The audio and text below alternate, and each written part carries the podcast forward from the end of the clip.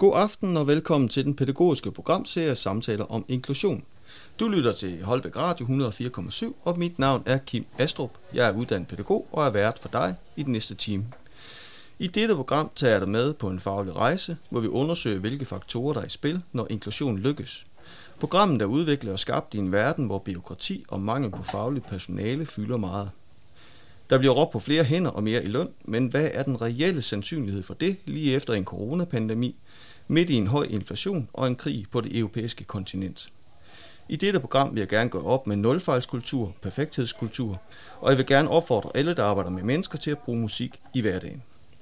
Derfor bliver der kun spillet live musik i dette program, for at inspirere andre til at benytte dette fantastiske, fantastiske værktøj også. I dag kan jeg med glæde byde velkommen til leder, foredragsholder, provokatur og forfatter Morten Jul Olsen. Velkommen Morten. Tak skal du have, Kim. Det er, Tak. jo, det er jo en kæmpe ære at så have dig her øh, i studiet øh, i dag, og jeg er selvfølgelig dybt taknemmelig for, at du har takket ja til at, at være med. Øh, kunne du ikke prøve at præsentere dig selv? Jo, det kan jeg godt. Først vil jeg sige, at det er en kæmpe ære for mig at blive inviteret, så tak for det. Øh, jamen, hvad er jeg? Øh, jamen, øh, foredragsholder øh, in the making. Øh, det er ikke noget, jeg har gjort så meget, men, men øh, en del efterhånden. Hvad er det blevet til? Øh, forfatter. Ah, det er måske også lige på kanten. Jeg har ikke udgivet noget, men jeg har da skrevet 12 halve, og, og den, den bog, jeg er i gang med nu, den bliver udgivet, også øh, selvom jeg skal betale for det selv. Det håber jeg selvfølgelig ikke. Øh, så er jeg leder, øh, og har været leder i mange år efterhånden. Øh, uddannet økonom, øh, uddannet pædagog, øh, men, men nu er mit GB, det er leder. Og når jeg kalder mig selv øh, provokatør, så handler det simpelthen om, at jeg kan ikke lade være med at, at sige, hvad jeg mener. Og det er ikke altid lige godt. Det har jeg faktisk godt selv oplevet nogle gange. At det kan faktisk godt være en hemsko. Ja, det kan det da. Mm-hmm. Men, men omvendt er det også noget, man bør gøre, hvis man vil ud over kanten. Ja. Og hvis man vil have prikket lidt til nogle holdninger, så bliver man jo nødt til at lukke sig selv ind i kampen. Ja. Øh, det er jeg blevet bedre til. Mm-hmm. Altså, øh, når du siger det, så tænker jeg, at øh, dem, jeg oplever, der sådan virkelig kommer frem, altså sådan virkelig fremme i skolen, de forstår virkelig det der med at spille spillet. Mm. Øh, men jeg oplever bare ikke altid, at spillet er særlig godt for, for, for, for alle, altså for, for helheden. Øh, men, men, men, det er jo, men det er jo set fra mit perspektiv. Nej, men det tror jeg egentlig godt, jeg kan give dig ret i. Altså man kan sige, jeg, jeg synes, jeg bruger meget strategi i min hverdag. Øh, en vis strategisk sans skal der til for at være leder, øh, uanset hvilket niveau man, man bevæger sig på, tror jeg. Men, men strategi er ikke, er ikke dumt. Strategi er smart. Øh, fordi hvis man vil nå sit mål, eller man har lyst til at øh, sætte noget i gang, eller få noget til at ske, så bliver man nødt til at tænke over, hvad der man gør. Jeg siger til mange af mine medarbejdere, eller, eller venner for den sags skyld, siger, at vi går aldrig ind i en dialog eller en diskussion, uden at have en idé om, hvor det skal føre. Hmm. Ja. Øh, hvis vi bliver omkring dig, Mm-hmm. øh, fordi vi, vi har altid sådan lige lidt, hvem, hvem er du? Mm. Øh, kan jeg spørge lidt ind til dig? Ja, ja. Øh, er du gift? Ja, det er Melis. Okay. Øh, og børn? Yes, en enkelt. Elin. Ja. Ja. Øh, har du nogle dyr? Jeg har øh, to franske bulldog-valpe, som lige nu er i fængsel derhjemme, fordi min kone er på øh, Montebello, øh, fordi hun har brækket ryggen. Okay. Så, så ja, jeg har dyr, og så har jeg høns også. Ja. Min kone har høns, det vil sige, det er mig. Ja, ja, ja, ja det er det. Det er det. Øh, hvad så med... Øh, vi er jo i Jyderup nu. Mm-hmm. Øh, bor du i nærheden, eller... Jeg bor i Odshavet. Okay. Øh, har boet en, en øh, kommer fra Vestjylland, har boet en del år af mit liv i København og flyttet så til Odshavet, Mhm. mm. øh, hvor jeg har boet nu i 17-18 år, og jeg synes stadig, at jeg lige er flyttet til. Ja. Hvornår blev du egentlig leder? Hvornår besluttede du dig for at så blive leder? Jamen, jeg har været med til at opstarte opholdsstedet for mange år siden. Øh, Udover det, så, så var det så min, min, min ledergærning, jeg startede ikke for 10 år siden, eller sådan noget, hvor, hvor, øh, hvor min, min chef kom og, og sagde, at jeg skulle være hans, øh, hans souschef. Mm-hmm. Og, øh, og, og så gik vi ellers bare i gang, og så har det været, øh, derfra så har jeg, har jeg stort set kun været leder. Okay. Og jeg tror, at, at, at det er det, jeg er nu. Øh, Hvad, hvad er det, der drager dig ved at være leder? Det vil jeg få ting til at ske. Ja. Altså, øh, vi har en tradition i det her program Mm. med, at øh, det er sådan lidt en pædagog ting, Mm. at øh, jeg prøver at se, om jeg kan få folk til at kigge ind i det her kaleidoskop Mm. og se, hvad de ser. Øh, er, du, er, du, er du med på den? Jeg er med på den. Okay, Absolut. værsgo.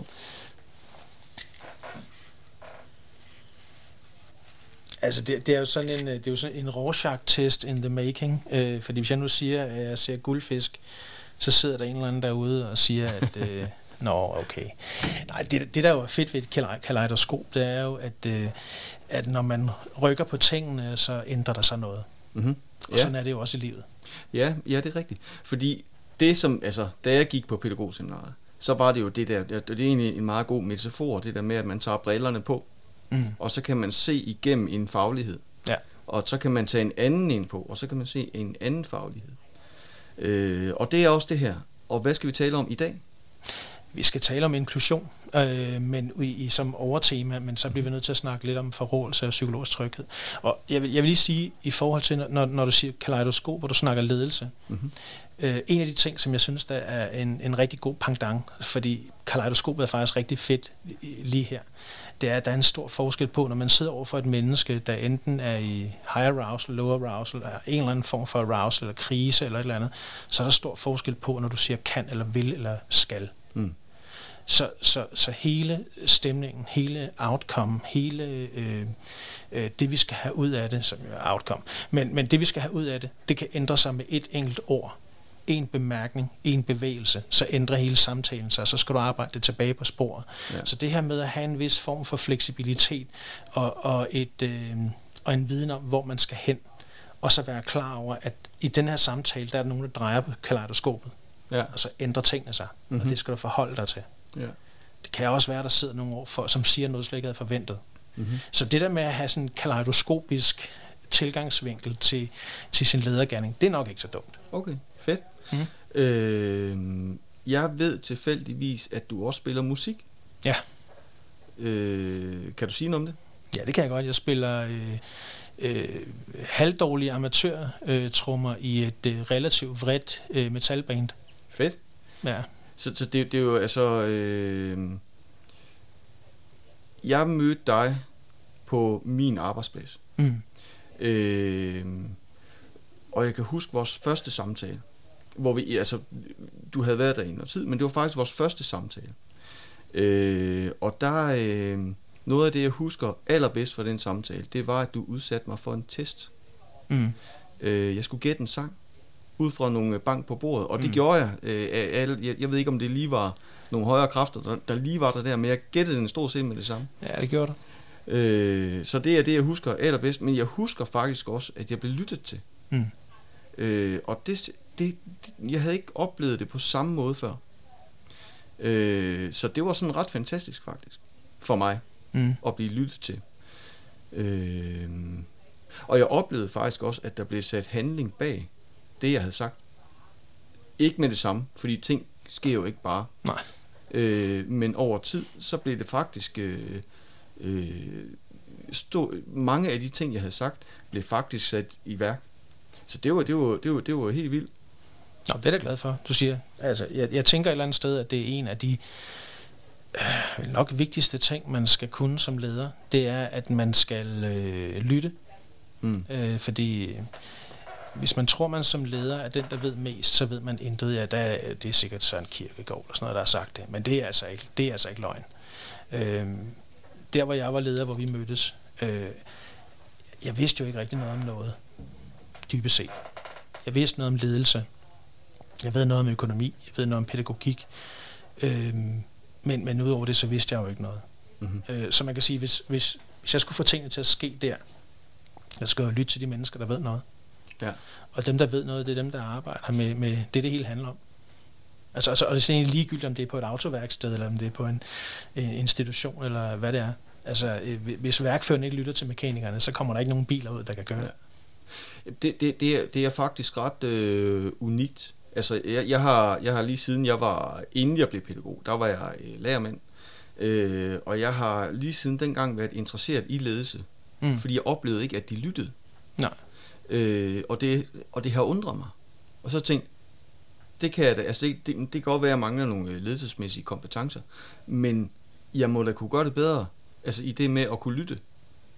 Øh, så det synes jeg, øh, altså det, det er til synligheden unikt. Det er meget, meget svært for en mand som mig at lytte, øh, mm. fordi jeg vil 100 gange hellere tale. Øh, hvad hedder det? Nej, men jeg, jeg, jeg taler rigtig meget. Det, det er meget vigtigt for mig at minde mig om flere gange om dagen, at jeg har en mund og to ører. Mm. Men, men øh, altså, det der med nulfejlskulturen, altså det der med at kunne fejle, er vel egentlig også øh, hele basen for at kunne lære noget nyt. Absolut. I virkeligheden, ikke? Mm-hmm.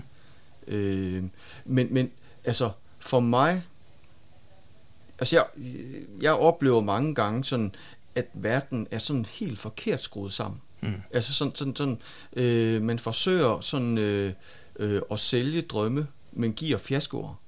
Mm. For, for eksempel, når man går ind i en burgerrestaurant, ikke?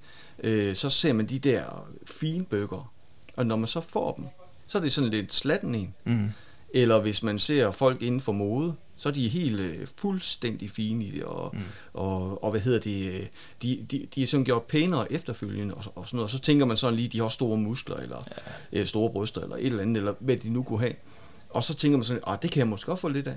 Altså, det, det, det mm. ligger bare sådan helt, helt inde i baghovedet, ikke? Ja, ret ubehageligt. Og, ja, og når man så får det på, mm. ej, det var egentlig ikke lige helt det, jeg havde forestillet mig. Nej.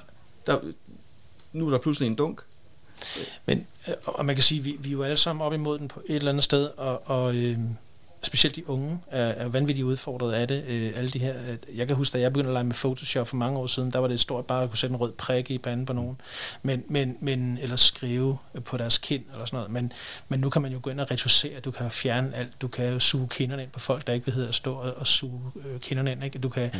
fjerne alle øh, pigmenteringsfejl og alt muligt andet, ikke? Ja. Øh, og så bliver Instagram-profilerne, de bliver rigtig fantastiske, ikke? og når de så laver de her dating-profiler og alt muligt andet, hvad de nu gør, så kommer de ud, og så møder de jo bare hov. Ja, øhm, ja, ja, helt øh, sikkert. Og det synes jeg jo, er, det, det, det må der gøre noget ved folk. At man har et, et, et datingbillede, som bare ligner en million, og så kommer noget, så ligner man en til 140.000, ikke? ja, ja. Øh, ja.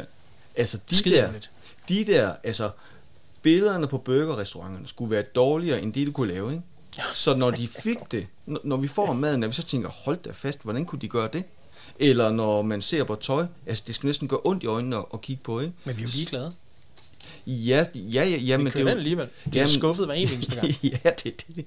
det er det. Men jeg skal jo også spille noget musik, og du skal også synge noget i dag. Ja, det har du fået mig til. Det er... Jeg har, ja, ja, ja, det var det. Det er åbenbart det, jeg kan. Altså, i pædagogik, når jeg synes, jeg har lykkes rigtig godt, så har jeg fået folk til at tro, at det var deres egen idé. Mm. Fordi så har jeg ikke presset dem til noget. Men, men øh, øh, det er ikke her, vi er, Kim. Det er, det er ikke min idé. nej, nej, nej, jeg kan godt fornemme det. Øh, men øh, jeg har valgt de sange, jeg skal spille i dag. Mm-hmm. Der har jeg valgt at være inspireret af det, du gjorde over for mig. Okay. Så jeg vil synge nogle sange, mm-hmm. jeg har lavet om, og så skal du gætte, hvad det er. Okay. Øh, så det bliver, det bliver sjovt. Til den her, der har jeg selv lavet en melodi. Jeg har også lavet... Øh, Øh, jeg har også lavet øh, selve musikken og melodien om, og jeg har også lavet selve sproget om. Okay, det begynder at blive svært, kan jeg godt høre. Så, men det er ikke sværere end at banke i bordet. Okay. Det tror jeg ikke i hvert fald. Altså, det var sådan ret fattigt, det okay, vil jeg sige. Ja. ja. okay. Vi skal lige skrue op her for gitaren her. Vi prøver lige en gang. Vi prøver at se her. Sådan der. Så prøver vi.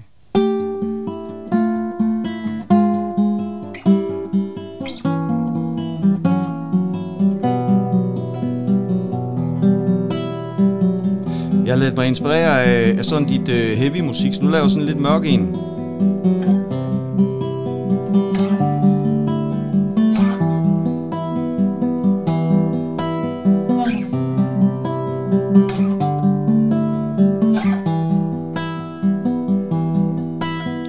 Solsorten synger i den sorte nat. Dine brækkede vinger og lær at flyve. Alt hvad du kan, har du ventet på. At din chance skulle kom Solsorten synger i den sorte nat Tag dine blinde øjne og lær at se. Alt hvad du kan Du har ventet på at din chance skulle komme.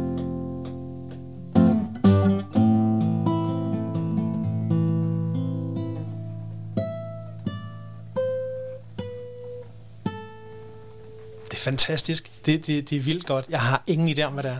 Okay. Så prøver vi lige, øh, så prøver vi lige at spille noget af den orig- originale. Og, og du har slet ingen idé. Overhovedet ikke, men jeg synes faktisk, at dem, der har lavet den originale, de, de burde lytte lidt til det der og sige, det, det, det kan vi også. Ja, øh, så skal du høre, du bliver nok over... Det er jo helt vildt, mand. Fedt, mand, så lykkes det. Nu, nu skal du bare høre.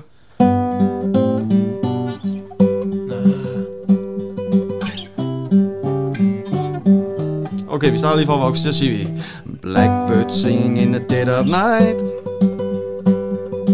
Take your broken wings and learn to fly. All your life You were only waiting for this moment to arise. Blackbird fly.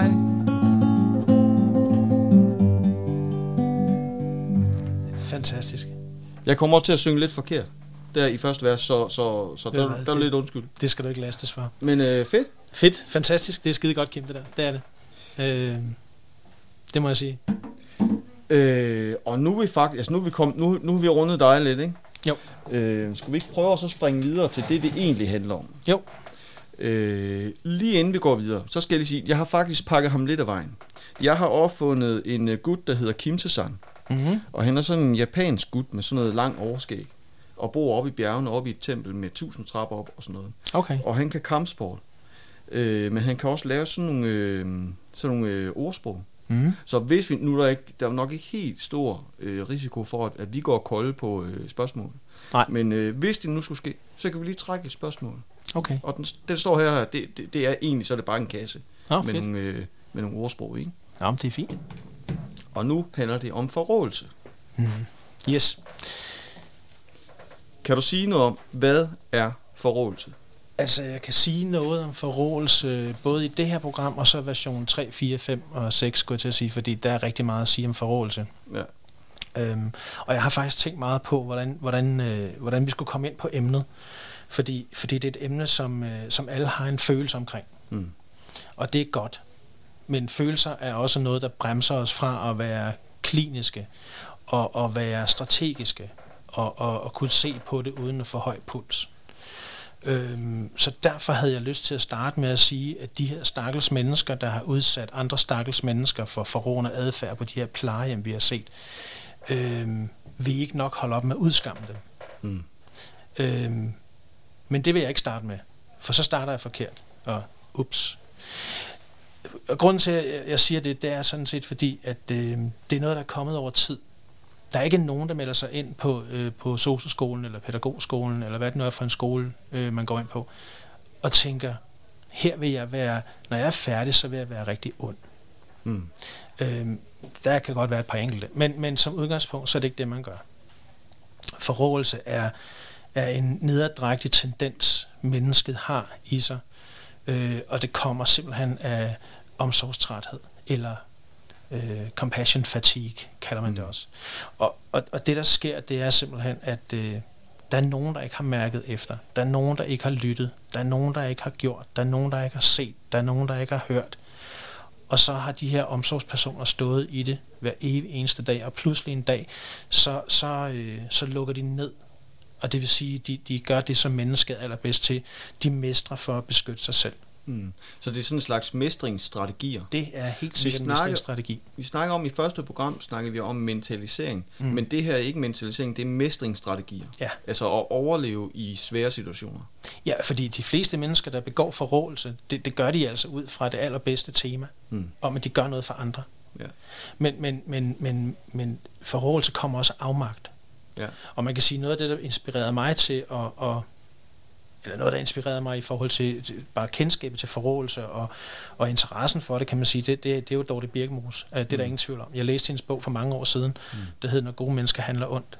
Ja. Ja. Og den, den bog, den ramte mig simpelthen med 200 i timen, fordi, fordi det her, det er alle sammen mennesker, som gerne vil noget godt, men de har prøvet 700 forskellige ting, der alle sammen mislykkes. Og pludselig oplever de dem selv, at de stripser børn til stole, tager deres mobiltelefoner og bruger dem inde i 14 dage. Nogle bruger ovenikøbet og korporlige altså afstraffelsesmetoder, men, men rent faktisk gør de det kun for at hjælpe personen. Mm. Men de er røget langt væk af sporet. Ja. Og man kan sige, øh, der er selvfølgelig masser af mennesker, som, som, øh, som kan blive hjulpet i det her. Men det handler faktisk om, at nogen skal hjælpe dem fra starten. Mm. Det handler også om, at man skal sige fra og sige, at sige øh, jeg, kan ikke, jeg kan ikke håndtere det, det er for meget for mig, eller jeg har brug for hjælp. Så det handler også om, at man skal selv bede om noget hjælp. Ikke? Men det handler i høj grad om, at, at der er nogen, der skal kunne lytte til dem. Ja, ja, ja, fordi altså, som jeg oplever det, så, øh, så alle, der arbejder med mennesker, eller bare alle mennesker generelt, øh, oplever, at de har forrådende adfærd Ja. i større eller mindre grad. Ikke? Jo. Øh, og det værste, der kan ske, det er det der med, øh, når nogen, de er for fantastiske. Mm. Altså, de er så fantastiske, at det næsten ikke... Altså, det, altså, det er jo helt vildt, hvor fantastiske de er. Øh, fordi så er det svært at så tage hul på, ikke? Jo, meget. Altså, Jeg har jo hørt masser af mine øh, pædagogkollegaer sige, at det er barnet uden for pædagogisk rækkevidde. Jeg har Mm. hørt mig selv sige det. Mm. Ja, Øhm, og så bliver jeg nødt til at sige, at det, det, det er sgu nok pædagogen, den er gal med. ja. Øhm, fordi du er ikke det værktøj, du kunne have været. Vi to er to forskellige mennesker. Vi er uddannet det samme, men vi er to forskellige mennesker. Og nogle gange så er der bare noget, der hedder kemi. Nogle gange er der bare noget, der er noget andet, vi ikke ved, hvad er. Ja. Så nogle gange virker du, nogle gange virker jeg. Det handler overhovedet ikke om kompetencer. Det handler bare om, at vi er to forskellige mennesker. Så det der med at anerkende, at man bare ikke altid virker, det vil være rigtig godt.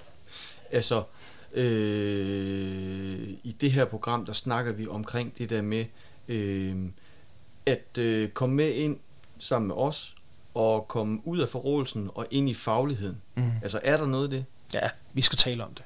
Mm. Og man kan sige, det, det er derfor, at forrådelse og psykologisk tryghed, det, det, det på en eller anden måde, man kan ikke rigtig dele det op. Det, det, det kommer u, ubåndhørligt til at hænge sammen.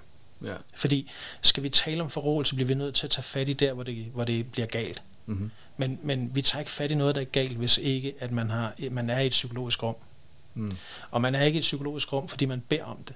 Man er i et psykologisk rum, fordi at det bliver givet til en. Mm. Øh, og det tager lang tid. Det er ligesom tillid. Øh, det, man, man har ikke bare tillid til folk nødvendigvis.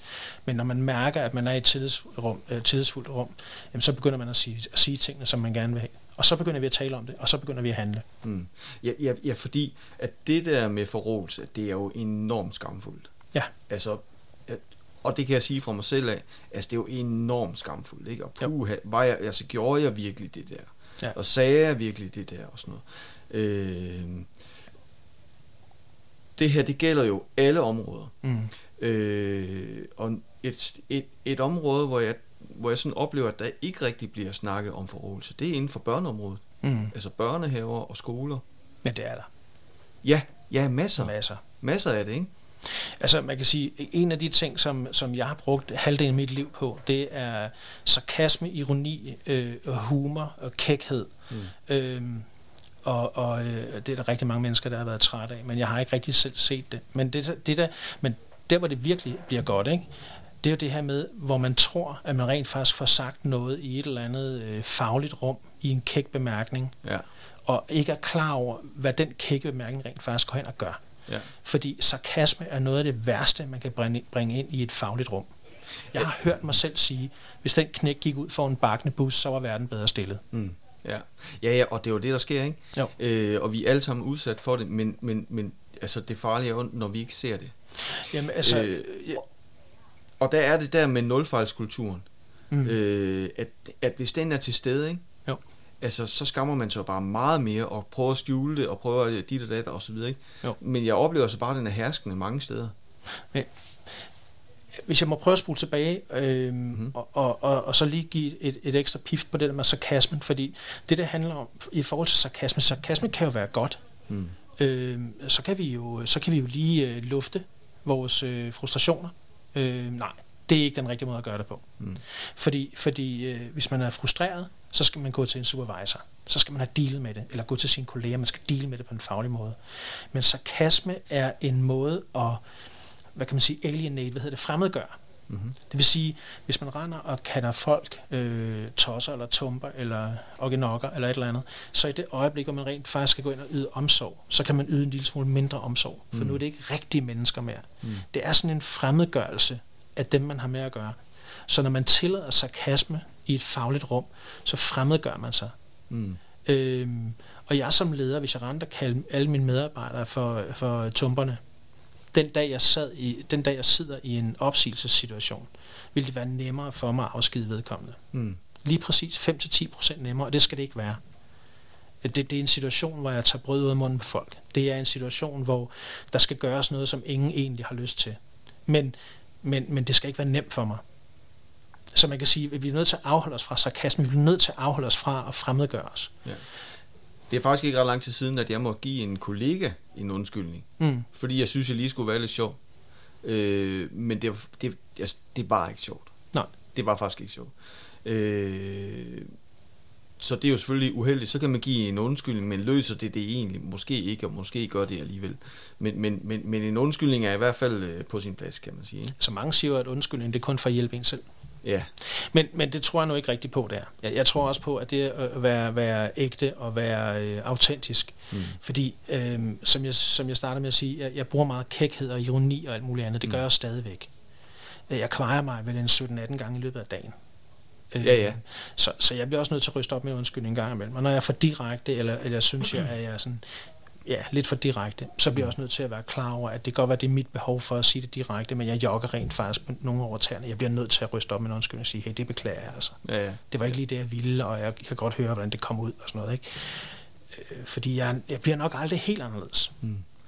Det er faktisk, altså i det her program, og jeg, jeg ved ikke hvorfor, men tiden den flyver bare. Det gør den der. Øh, og hvis du sidder, hvis du lige har skruet op for radioen og ikke er helt klar over, hvad du lytter til, så lytter du til Holbæk Radio. 104,7. Mit navn er Kim Astrup. Du lytter til programmet Samtaler om inklusion, og i, øh, her i studiet, der har vi Morten Jul Olsen, som er leder, og vi snakker om forrådelse og psykologisk tryghed. Og øh, vi skal til at have en sang. Mm-hmm. Øh, er du frisk på den? Ja, det, det har jeg jo sagt, ja, så bliver jeg nødt til at, okay. at melde mig på. Og, og det er jo, øh, ja, jamen så... Øh, så hvis det ikke kommer helt bag på dig, at tiden den er nu, mm. så, er det, så er scenen din. Okay. Altså, øh, jeg bliver nødt til at sige til dig, Kim, at øh, jeg, har, jeg har altid sagt, at, øh, at der er ingen grænser for, for... Jeg har ingen nedre grænse for ydmyghed. Mm-hmm. Øh, ikke når det kommer til, at, øh, at jeg skal have et budskab ud, eller et eller andet. Mm. Og, øh, og da du så synes, at, at de, øh, de her to sange, som jeg har med, øh, der foreslår du, at jeg selv øh, synger dem, så tænker jeg øh, aldrig i livet. Og så har jeg en kær kone, der siger, nå, nå, så skal du ikke spise din egen medicin, eller hvad? Mm. Og så tænker jeg, okay, jamen så gør jeg det.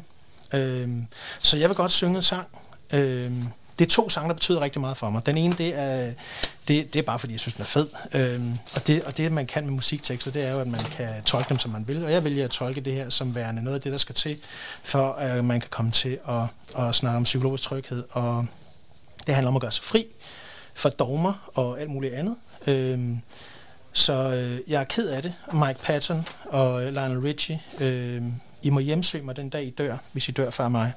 Men jeg har valgt at synge et nummer, der hedder Easy, mm. øh, som er et covernummer fra Fate No More øh, af Lionel Richie. Mm-hmm. Så jeg, jeg rykker lidt rundt på mig, fordi det kommer til at blive... Øh, man kan blive nødt til at gå all in her. Yes. Sådan er det. Og samtidig med, at du lige gør det, så, øh, så kan jeg jo lige fortælle, at øh, programmet i dag, det bliver, at øh, når Morten hen er færdig med at synge, så snakker vi omkring inklusion, eksklusion. Og derefter så kommer der en sang til, og så kommer psykologisk tryghed øh, efterfølgende. Øh, så vi prøver også at komme hele vejen rundt omkring det her. Øh, det bliver spændende. Jeg har en sang til, og Morten har en sang til. Og øh, klokken den er allerede halv. Så det er jo bare, det er jo bare derudad. Det kan næsten kun gå for langsomt. det bliver spændende. Ja, ja, nå, ja, ja. ja Byt, byt med det.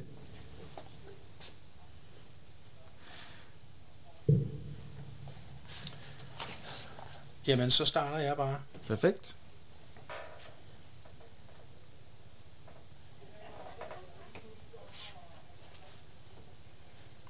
Okay. You know it sounds funny, but I just can't stand the pain. Girl, I'm leaving you tomorrow. Seems to me, girl, you know I've done all I can. You see, I begged all and I borrowed. Yeah. Ooh, that's why I'm easy. I'm easy like Sunday morning. Yeah, yeah. That's why I'm easy. Yeah. I'm easy like Sunday morning.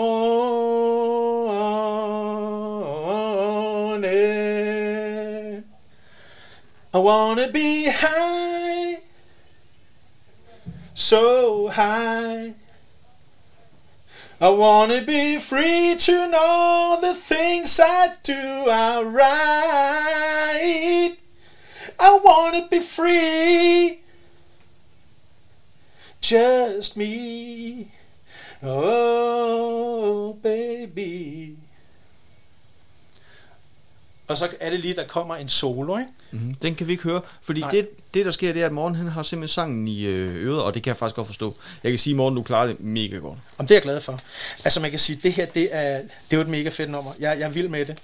Og øh, jeg synes faktisk, det passer meget godt til lejligheden, netop fordi det handler om det der med at sætte sig fri og øh, få fuld smadret på ydmygheden. Og øh, nu går vi all in på psykologisk tryghed og komme med det, bring it on. Men jeg kan ikke gøre det uden at også på et eller andet som lag og være en lille smule nøgen her. Så mm-hmm. det er jeg ikke. Men, så, men skal vi tage øh, det sidste omkvæd? Ja, ja, ja, ja lad os endelig. Oh, oh, that's why I'm easy.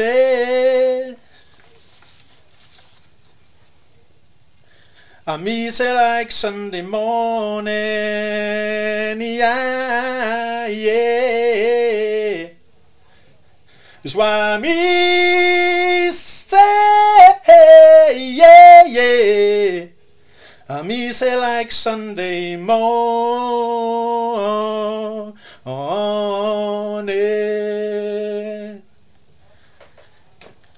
Det her, det koster en fadbamse. Ah, fedt, fantastisk.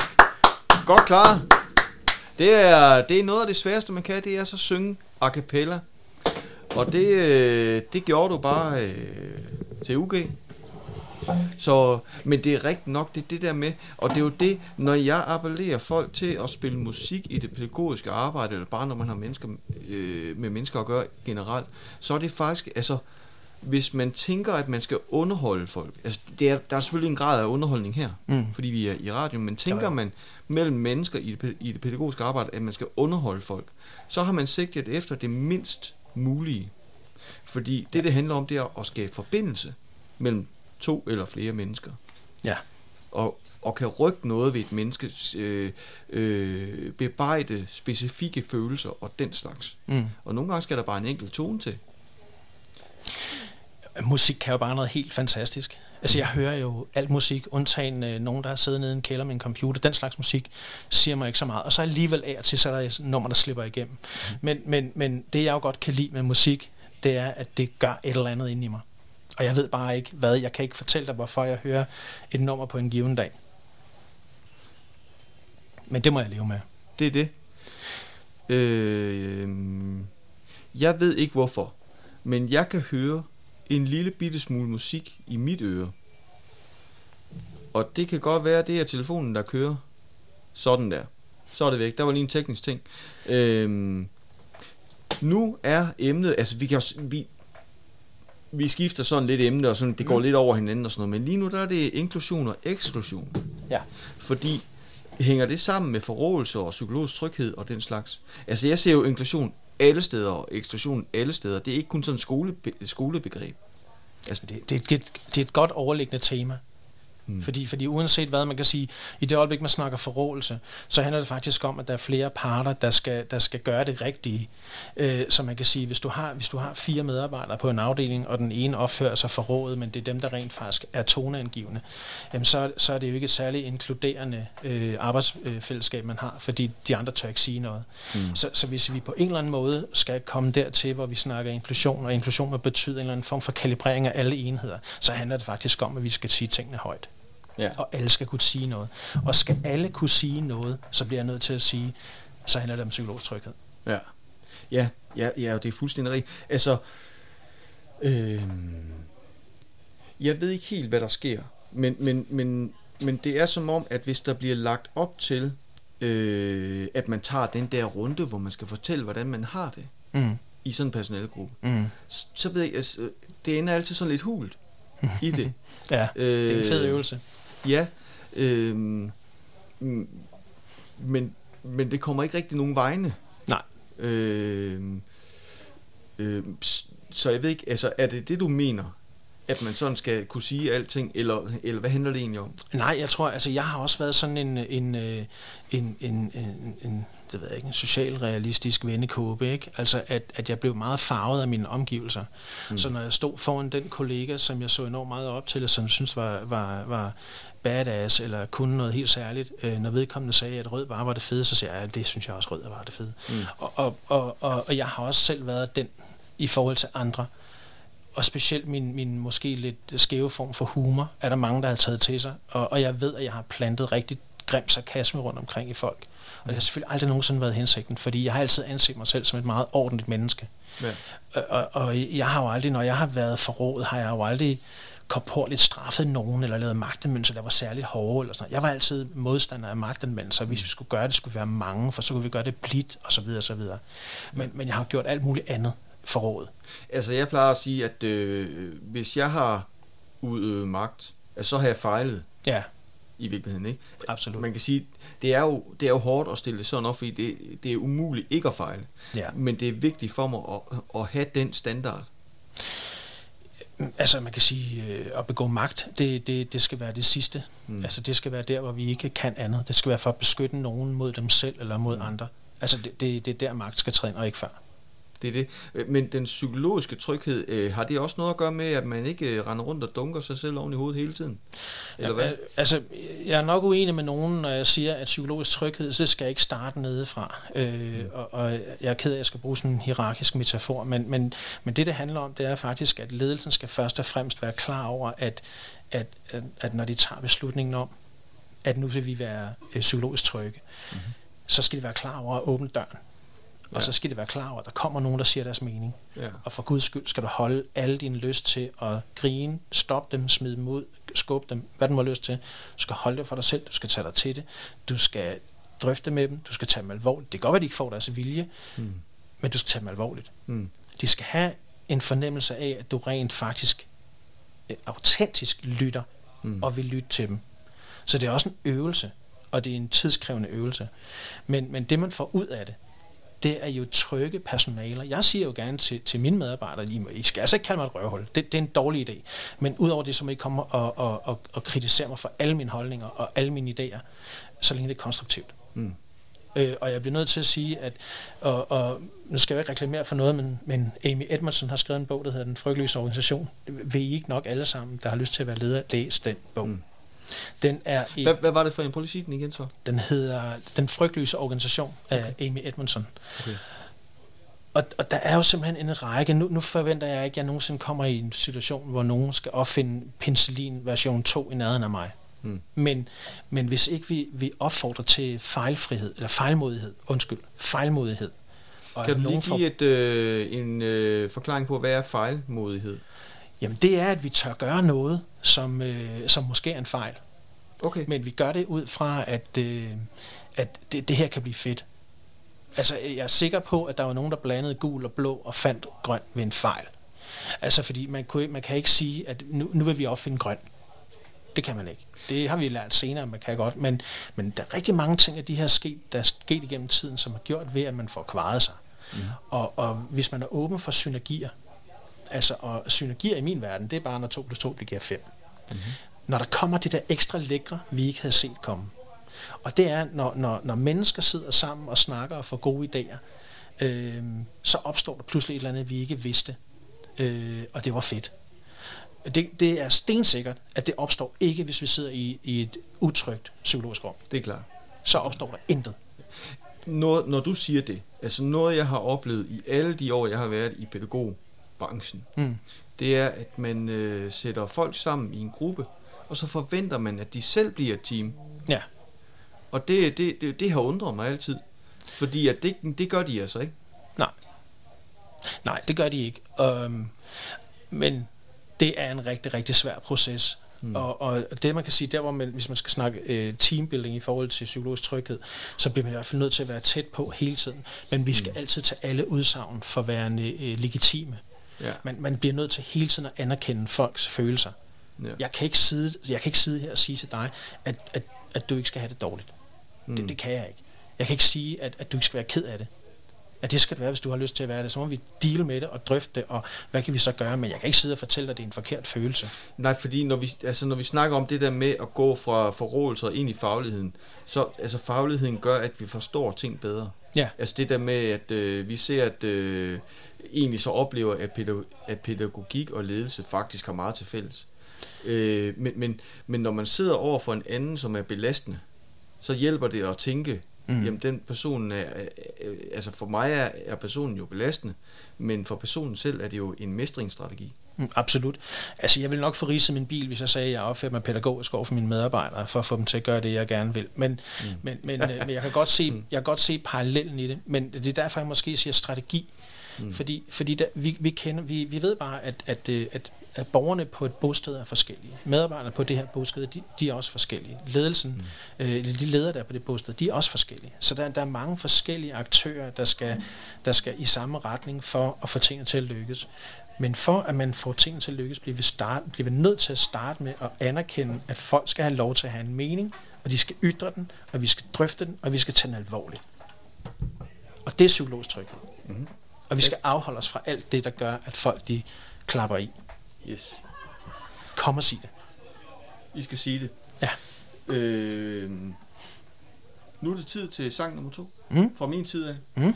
Øh, jeg har en eller anden øh, forforståelse af, at den her den har nok lidt sværere ved at gætte, på trods af, at det er på, det er på original øh, sproget.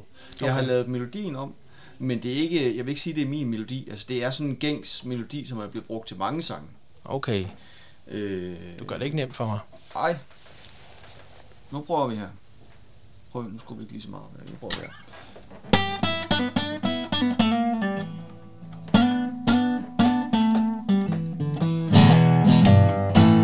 De har bygget en galge på bakkens top. Hele byen vil se, at jeg bliver klynget op. Jeg har sunget om frihed, vold og tvang. Om lidt har jeg sunget for sidste gang. De har givet mig det måltid, som jeg bedte dem om. Min kop den er tømt, og mit fad det er tomt.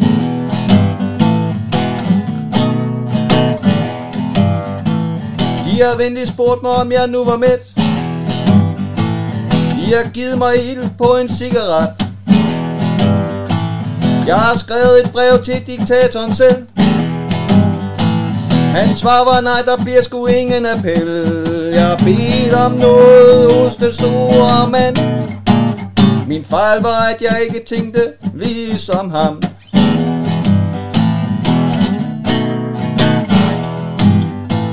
Se nu sender de mig den sidste gæst. I døren står der en sortklædt præst. Jeg har lyttet til den prædiken, som han holdt han talte om helvede, men her er skide kold Se nu prøver de om rebet kan bære min vægt. Men hele lortet fungerer perfekt.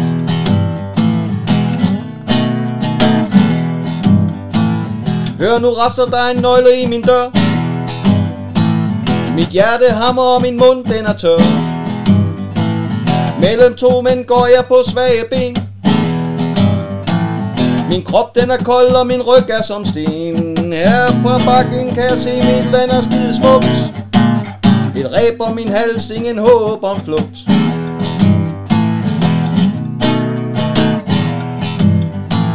Jeg er helt alene, jeg har ingen ven. Ingen ved, hvor jeg nu skal hen. 25 minutter er gået, men nu er de endt. Jeg har... Oh,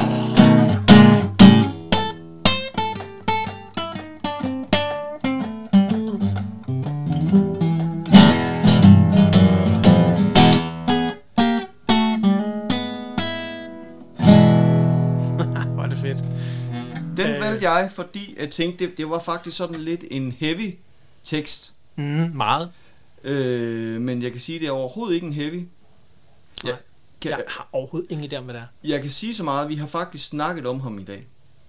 Og jeg så spurgte, hører du det meget? Mm, okay. Paul Dissing. Ja, det er nemlig Paul Dissing. Nå. Med 25 minutter endnu. Nej, er det rigtigt? Jeg har selvfølgelig undladt, ja det var også lidt fejl, jeg har undladt, undladt det, der hvor han siger, der er 1 minut, eller 25 minutter, og 24 minutter, og 23 minutter. og sådan noget. Det er den, okay. Ja, ja, ja. Ja, fedt. Og det var en fed version, det der. ja. Men det, det, Det ville han kunne lide. Ja, sikkert ja. Ja, ja jeg, jeg elskede Paul Dissing. Ah, han var crazy ass på den fede måde. Det var han nemlig. Ja. Han var sådan en heavy dude, på Ja. sådan en uh, folkeagtig måde. Ja. Ja. Nå, men det var det. Øh, hvis du lige har slået op på radioen, så lytter du til Holbæk Radio 104,7, og mit navn er Kim Astrup. Du lytter til programmet Samtaler om inklusion, og i studiet har vi Morten Jul Olsen, som er leder, foredragsholder, provokatør og forfatter. Den har vi lige med, fordi vi har brug for, at du får den der bog færdig. Ja. Øh, også. og nu er vi jo nået til, altså de emner, vi har op i dag, det er forrådelse, inklusion og eksklusion, men også psykologisk tryghed. Og det er måske i virkeligheden psykologisk tryghed, som er det allermest spændende, fordi det er måske der, løsningen ligger. Eller hvad? Altså, det var faktisk det, der startede det hele. Jeg vidste bare ikke, det var psykologisk tryghed, jeg arbejdede med. Mm. Øhm, og, og det vidste jeg måske ikke, før jeg kom i, i øh, hænderne på en meget, meget dygtig mand, øh, som jeg er ganske forfærdelig vild med, der hedder Michael Danielsen. Mm. Øh, Michael Danielsen har et, øh, et, øh, et firma, der hedder Wellbeing Institute, og han er erhvervspsykolog. Han er hammerende dygtig, øh, og han kan håndtere de mest vilde, øh, triste øh, emner på en måde, så alle kan være i det, og han får folk til at lukke sig op og øh, skaber psykologisk tryghed på lige under den nanosekund. Jeg er mega imponeret af ham. Han var blandt, an, er blandt andet med til at hjælpe mig i gang med det værktøj, som jeg har lavet, som hedder utilsigtet forrådelse, og jeg er ham evigt taknemmelig. Han er meget, meget dygtig. Øhm, og man kan sige, det som, det som der er i hele det her øh, setup med, med psykologisk tryghed og forrådelse, det er simpelthen, at jeg, jeg, jeg var leder et sted, hvor folk kom ind og sagde, hun har gjort det, hun har sagt det. Og så sagde jeg, hvad sagde hun, da du, da du så sagde det til hende? Jamen, det har jeg ikke gjort. Jeg brød mig ikke om det. Mm. Nå, men så taler jeg med hende. Jamen, det må du godt, men du må ikke sige, det var mig, der sagde det. Mm. Så siger jeg, og jeg tænker, der er rigtig mange ledere, der kender lige præcis den her udfordring. Og problemet er, så sidder man lidt skakmat. Man har fået en viden om nogen, men man må ikke sige, hvem der sagde det. Jeg kan jo ikke, Ja. komme, jeg kan jo ikke komme og anklage nogen for noget, og, når de så siger, hvem har sagt det, det kan jeg ikke sige dig. Det er det. Så, så hvordan i alverden arbejder vi os ind i en kultur, hvor vi, hvor vi tør sige tingene højt til hinanden? Mm-hmm. Øh, og så fandt jeg sådan en lille smule ud af, at, at øh, det hjalp faktisk at sige, Nå, men er det godt for dig, at du siger det til mig? Ja, det er det. Er det godt for mig, at du siger det? Er det godt for borgeren? Ja, det er det. Er det godt for dine kollegaer? Ja, det er det. Er det godt for, for, for kommunen, øh, organisationen? Og øh, de siger ja, ja, ja, ja, ja, ja og ja. Og så må jeg sige, okay, så kan jeg virkelig ikke forstå, hvorfor du ikke kan sige, hvem det er. Fordi så kan vi tale om det. Mm. Og langsomt, så har jeg brugt forskellige dialogværktøjer, alt muligt, for at nå dertil, indtil jeg fandt ud af, okay, det der faktisk virker her, det er at tage alle følelser alvorligt, Mm. og for, begynde at, at lade folk forstå hinandens perspektiver. Hvorfor går nogen forbi en dør, velvidende, at der ligger nogen, der har brug for hjælp? Mm. Gør de det, fordi de er travlt, stresset? Hvis du spørger alle medarbejdere et eller andet sted, så vil de sige, at det er fordi, at de, at de, øh, de tænker sig ikke om, eller de vil ikke, eller de prøver at undslå sig. Nej, der kan være alle mulige andre grunde. De kan have drønhammerne travlt, de kan være på vej på toilettet og komme fra det. Det er en driftig dag, wak, wak, wak. Men uanset hvad, så bliver vi nødt til at tage alle menneskers udsagn alvorlige. Og når vi sætter folk i samme rum og medierer og taler sammen og løser tingene, så finder vi ud af, at det er faktisk slet ikke så alvorligt. Mm. Men, men, men i, øh, Og der startede det hele. Ja, øh, fordi du siger noget, som jeg egentlig tænkte lidt på, det der med, at, øh, at øh, altså de her processer med grupper, Mm. øh, de, de er overalt, altså øh, nu tænker jeg lige på, øh, på klasser, skoleklasser, Altså, hvor, hvor- hvor jeg oplever, at der bare er sådan mange interne fnider og fis og ballade, og så er der telefoner op, og så er der ikke, og så filmer de hinanden, Mm. og, og så holder de nogen udenfor, og, og sådan noget. Øhm, men handler det ikke også om at give folk øh, en relation til hinanden? E, altså, den gode relation. Jo, det gør det. Øhm, Og så måske bare erkende, at, øh, at vi har ikke valgt at komme i den her klasse. Vi har ikke valgt mm. den her øh, kollegagruppe. Vi har ikke valgt den her leder. Ja. Vi har søgt et job, eller vi er, eller vores mor fødte os øh, først på måneden, og derfor røg vi i A-klassen i stedet for B-klassen. Eller, altså, øh, der, er, det er så mange tilfældigheder, så nogle gange ender vi bare sammen med folk, vi tilfældigt er udvalgt til. Ja. Og, og, og det gør det jo svært. Så Ja. når vi er i den situation, bliver vi nødt til at deal med det. Vi kan, ikke, vi kan ikke bede børn om at deal med det, når de er i første klasse. Men vi kan godt øh, arbejde med voksne om at deal med det. mm-hmm. Det kan man sikkert også med børn, men, men det, det, er ikke mit, det, det er ikke mit ekspertiseområde. Men, men, men voksne kan i hvert fald godt arbejde med det, fordi hvis de kognitivt er der, at de rent faktisk er på et normalt niveau, og de har mentaliseringsevnen, så kan vi faktisk godt arbejde med det. Altså, øh, jeg har også lyttet til øh, Dorte, Dorte Birkemose, mm. som fortæller i en af sine podcasts der, øh, at der er øh, altså overraskende mange, som er traumatiseret Mm. øh, igennem alle mulige. Altså, øh, jeg, har, jeg, har, jeg har sådan lidt forskning, øh, jeg har lidt fokus på her, her, her, her for tiden, jeg har børn i øh, skolen, at øh, hvis to voksne slår hinanden, Mm. så er det forkert. Mm. Hvis en voksen slår et barn, er det forkert. Hvis et barn slår en voksen, er det forkert. Mm. Men hvis to børn slår hinanden, Bare helt naturligt. ja, så er det nemlig helt naturligt. Ja. og det er jo dybt mærkeligt. ja, det er det. Øh, og vi lader dem uden opsyn, velvidende, at vi godt ved, at de Ja. her ting sker. Ja. Det er jo forrådelse. Ja. Blod er smerte, der forlader kroppen. Ja, lige Ja. præcis. Ja, ja. Øh, så hun mener, øh, at der er overraskende mange, som er traumatiseret, og det er jo alle folk, og i særdeleshed også dem, som arbejder med andre mennesker. Mm. Så, så det betyder vel også noget for gruppen. Ja, det der med, absolut. kan de egentlig selv? Eller har de brug for hjælp, faktisk? Man kan ikke selv. Altså det, det er jo også derfor, man har en leder. Mm. Mm. Det er jo også derfor, man har en coach, eller en supervisor, eller en teamleder, eller en koordinator, eller hvad det nu er, man har. Der er nogen, der skal samle tråden. Der er nogen, der skal fjerne de sten, man kan snuble lidt over. Mm. Så er der alle mulige andre sten, der må vi selv rydde af vejen. Men, men der er nogle ting, vi kan gøre. Der er nogle redskaber, vi kan benytte os af. Og et af de redskaber, vi i hvert fald kan benytte os af, det er hele tiden opfordre til dialog og kommunikation. Mm. Fordi det er bare vejen frem. Putin var ikke der, hvor han var i dag, hvis der er nogen, der har lyttet til ham som barn. Nej. Nej, nej, det er det ikke. Øh, Og så skulle de have krammet ham lidt bedre. Ja, ja det er ja. det ikke. Men, men, men jeg vil så også sige, altså, øh, jeg tænker, og det har jeg egentlig tænkt altid, at det er lidt u, øh, urimeligt at lægge alting over på ledelsen. Fordi de er jo også presset. Mm. Altså, de er jo presset ligesom medarbejderne er. Øh, så vi er jo alle sammen presset. Mm. Øh, og jeg tænker også, forrådelse øh, foregår på ledelsesniveau. For, øh, simpelthen på grund af pres, ikke? Altså knaphed. Det er stensikkert, og det er måske nok faktisk der, det starter. Mm, ja. Men så må man jo snakke om, at der er noget galt med systemet Ja, i virkeligheden, ikke? Jo. At, at det er faktisk det. Og før der ligesom bliver gjort op med det, så vil det her altid være til stede. Altså hvis, hvis man har lyst til nogle af de der katastrofescenarier øh, mm. i forhold til psykologisk utryghed, så skal man læse Amy Edmondsons bog. Øh, Okay. For der kommer simpelthen så mange eksempler. Øh, altså jeg, kan- jeg kan nævne øh, Martin Winterkorn. Øh, og hvis man, hvis man googler hans billede, Martin Winterkorn, så var han CEO for, for, for øh, Folkevogn. Øh, og det var ham, der ligesom lagde grund til hele dieselskandalen. Øh, lad os sige det på den måde, det kostede Folkevogn rigtig mange penge at have ham siddende. Øh, men, men, og når man googler hans billede, så ser han bare ond ud. Der er kun onde billeder af ham. Okay. Men han fremstår også som verdens største fjols. Okay. Og det er 100, skal man finde skurk, og det siger hun også, Amy Edmondson, skal man finde skurk, et ansigt på en skurk, så er det ham. Eller også har han jo gjort en ihærdig indsats for at gøre op med nulfejlskultur. Nej. Det som han gjorde, det, som han gjorde, det var jo, at og når man hører øh, forskellige, der, der rent faktisk har talt med ham, så siger det, når han kom ind i et rum, så holdt man op med at sige noget. Okay. Hvis der var nogen, hvis der var en fejl, eller man skulle, altså ens puls steg, blodtrykket steg, når man skulle ind og sige noget til ham, og hvis man skulle ind og sige noget, der var galt, så steg det helt vanvittigt. Kom han ind i et rum, så lukkede folk simpelthen ned. Han, han, han i rette satte folk, han truede med fyringer, altså han var et, et, et, for, et, et, et ægelt menneske. Ja. Men han var jo, han arbejdede efter noget, der hedder stretch-mål, som er meget populært i, i visse dele af, det er det med, hvis man kan altid yde lidt mere. Mhm. Mm-hmm. Hvis folk når 100%, så, så kan vi godt sætte dem op til 105. Mm. Og det eneste, der sker, det er, at der begynder at komme en masse fejl, for man tør ikke gå tilbage og sige, mm. der er en fejl. Vi håber, det går og ikke bliver opdaget.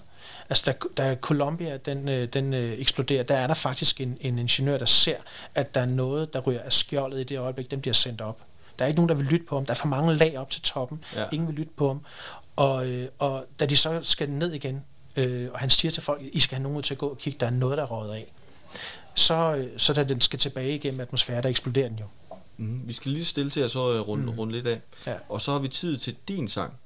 Oh, og så ja. tænker jeg, efter det, og den, den havde du lykkelig glemt måske, men, men, øh, men, men øh, så bagefter, så tænker jeg, skulle vi ikke prøve at så runde af, og så, øh, og så prøve at få noget, øh, få noget, øh, få noget positivt, man kan tage med fra programmet. Jo. Sådan, det her, det kunne mm. man tage med som noget, vi kan bruge i hverdagen. Det er nemt. Nu er det til, til din sang. Skal jeg simpelthen til at synge igen? Det er, det er din tur. Okay, jeg skubber lige lidt til mikrofonen. Det, det kan også godt hen at blive en, en, øh, en hård omgang, det her. Det er så fint. Altså, jeg bliver nødt til at sige noget om det her nummer. Ja, endelig. Fordi, fordi det her nummer, det er for mig det mest inkluderende nummer, der overhovedet findes. Mm. Øhm, jeg har været Liverpool-fan i, øh, i hele mit liv. Okay. Og, og jeg vil våge den påstand, at går man ind på Anfield og hører det her nummer blive sunget, og det kommer man til, mm. uanset om man kommer ind som dart-fan, så kommer man ud som fodboldfan af Liverpool. Okay. Fordi det er noget af det mest inkluderende, der overhovedet findes. Det er det her nummer. Det er selvfølgelig Gary and the Pacemakers med You'll Never Walk Alone. Og jeg er ikke sikker på, at jeg kan synge det her. Jeg, jeg er sikker på, at jeg kan ikke synge det uden at få, øh, få øh, hården rejse på armen af mig. Det er et nummer, der fylder hele mit liv. Fedt. Ja, det kan jeg sige. Lad os øh, høre det. Ja, ja jeg, skal, jeg skal forsøge at gøre det. Øh, det er en meget lang, det er et meget langsomt nummer, så, så I, vi kan læne os tilbage og drikke kaffe. Det gør vi. When you walk through a storm, hold your head up high, and don't be afraid of the dark. At the end of the storm. There's a golden sky and the sweet silver song of the lark. Walk on through the wind, walk on through the rain Though your dreams be tossed and blown, walk on, walk on with hope in your heart, and you'll never walk alone. You'll never walk alone. Skal vi lige have den gang?